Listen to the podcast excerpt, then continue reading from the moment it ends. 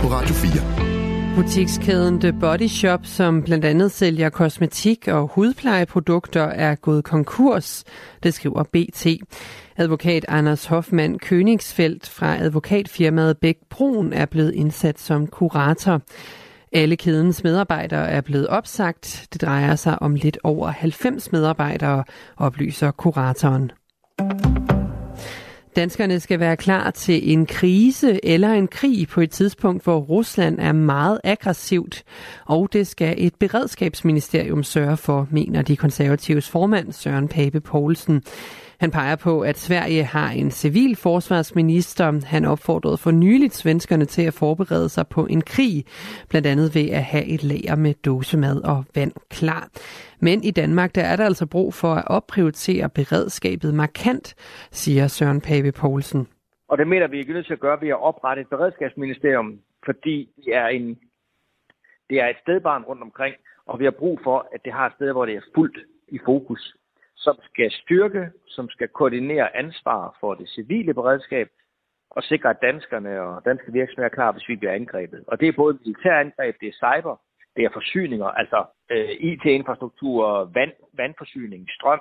Det synes vi simpelthen, der er behov for med den øh, verden, vi lever i i øjeblikket. Søren Pape Poulsen siger også, at staten ikke engang har et overblik over, hvor alle sikkerhedsrum er. Jeg mener, at vi politisk skal tage et ansvar for, at danskerne får en vejledning om, hvad de skal. Altså i stedet for at alle går og tænker, hvad skal jeg nu? Og når jeg siger sådan en pape, så lige jeg skal købe nogle dåse, en dåse mad og sådan noget. Det, det, er jo, det er jo helt grotesk, det er sådan, det skal være. Altså, jeg synes jo, vi skal have en vejledning, der skal sørge, der skal husstands om. Altså, folk skal vide, hvad gør jeg? Flere eksperter har også kritiseret, at danskerne ikke er blevet oplyst om, hvad de skal gøre i tilfælde af en krise eller krig. Det så ud til, at der ville komme rigtig mange ulvevalpe sidste år. Her skulle tre ulvepar nemlig have valpe. Men det tredje kul valpe, der kom til verden i området omkring Oksbøl i det sydlige Jylland, døde tidligt, og derfor så voksede bestanden ikke så meget som forventet. Det siger professor Peter Sunde fra Institut for Ecoscience ved Aarhus Universitet, der står for ulveovervågningen herhjemme. Der er blevet født valpe, men de er døde på et tidligt tidspunkt. Og hvad det skyldes, det er der ingen, der ved.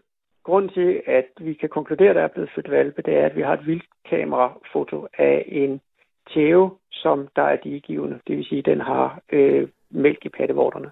Men selvom et kul valpe ikke klarede det, så stiger antallet af ulve stadig hurtigt, siger Peter Sunde.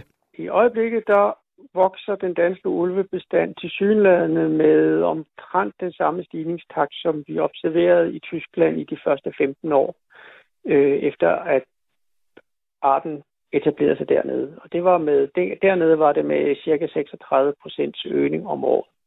Sidenhen så flader det ud. De sidste år, der voksede bestanden i Tyskland med 5,5 procent. Så det er selvfølgelig ikke noget, der var ved. Samlet set så vurderer forskerne, at der nu er mellem 37 og 50 ulve i Danmark. Og så er det netop blevet afgjort, at de danske kvindelige danske håndbold landshold vinder 26-22 på udebane over Polen i EM-kvalifikationen. Vi har mere om det her i næste nyhedsudsendelse. I aften og nat der bliver det mest skyde, og sidst på natten kan der komme lidt regn til Vestjylland. Temperatur ned mellem 2 og 6 graders varme og lidt til frisk sydlig vind. Ved kysterne stedvis hård vind og ved vestkysten op til kuling. Det er nyhederne her på Radio 4. De var læst og sat sammen af Anne Sofie Felt.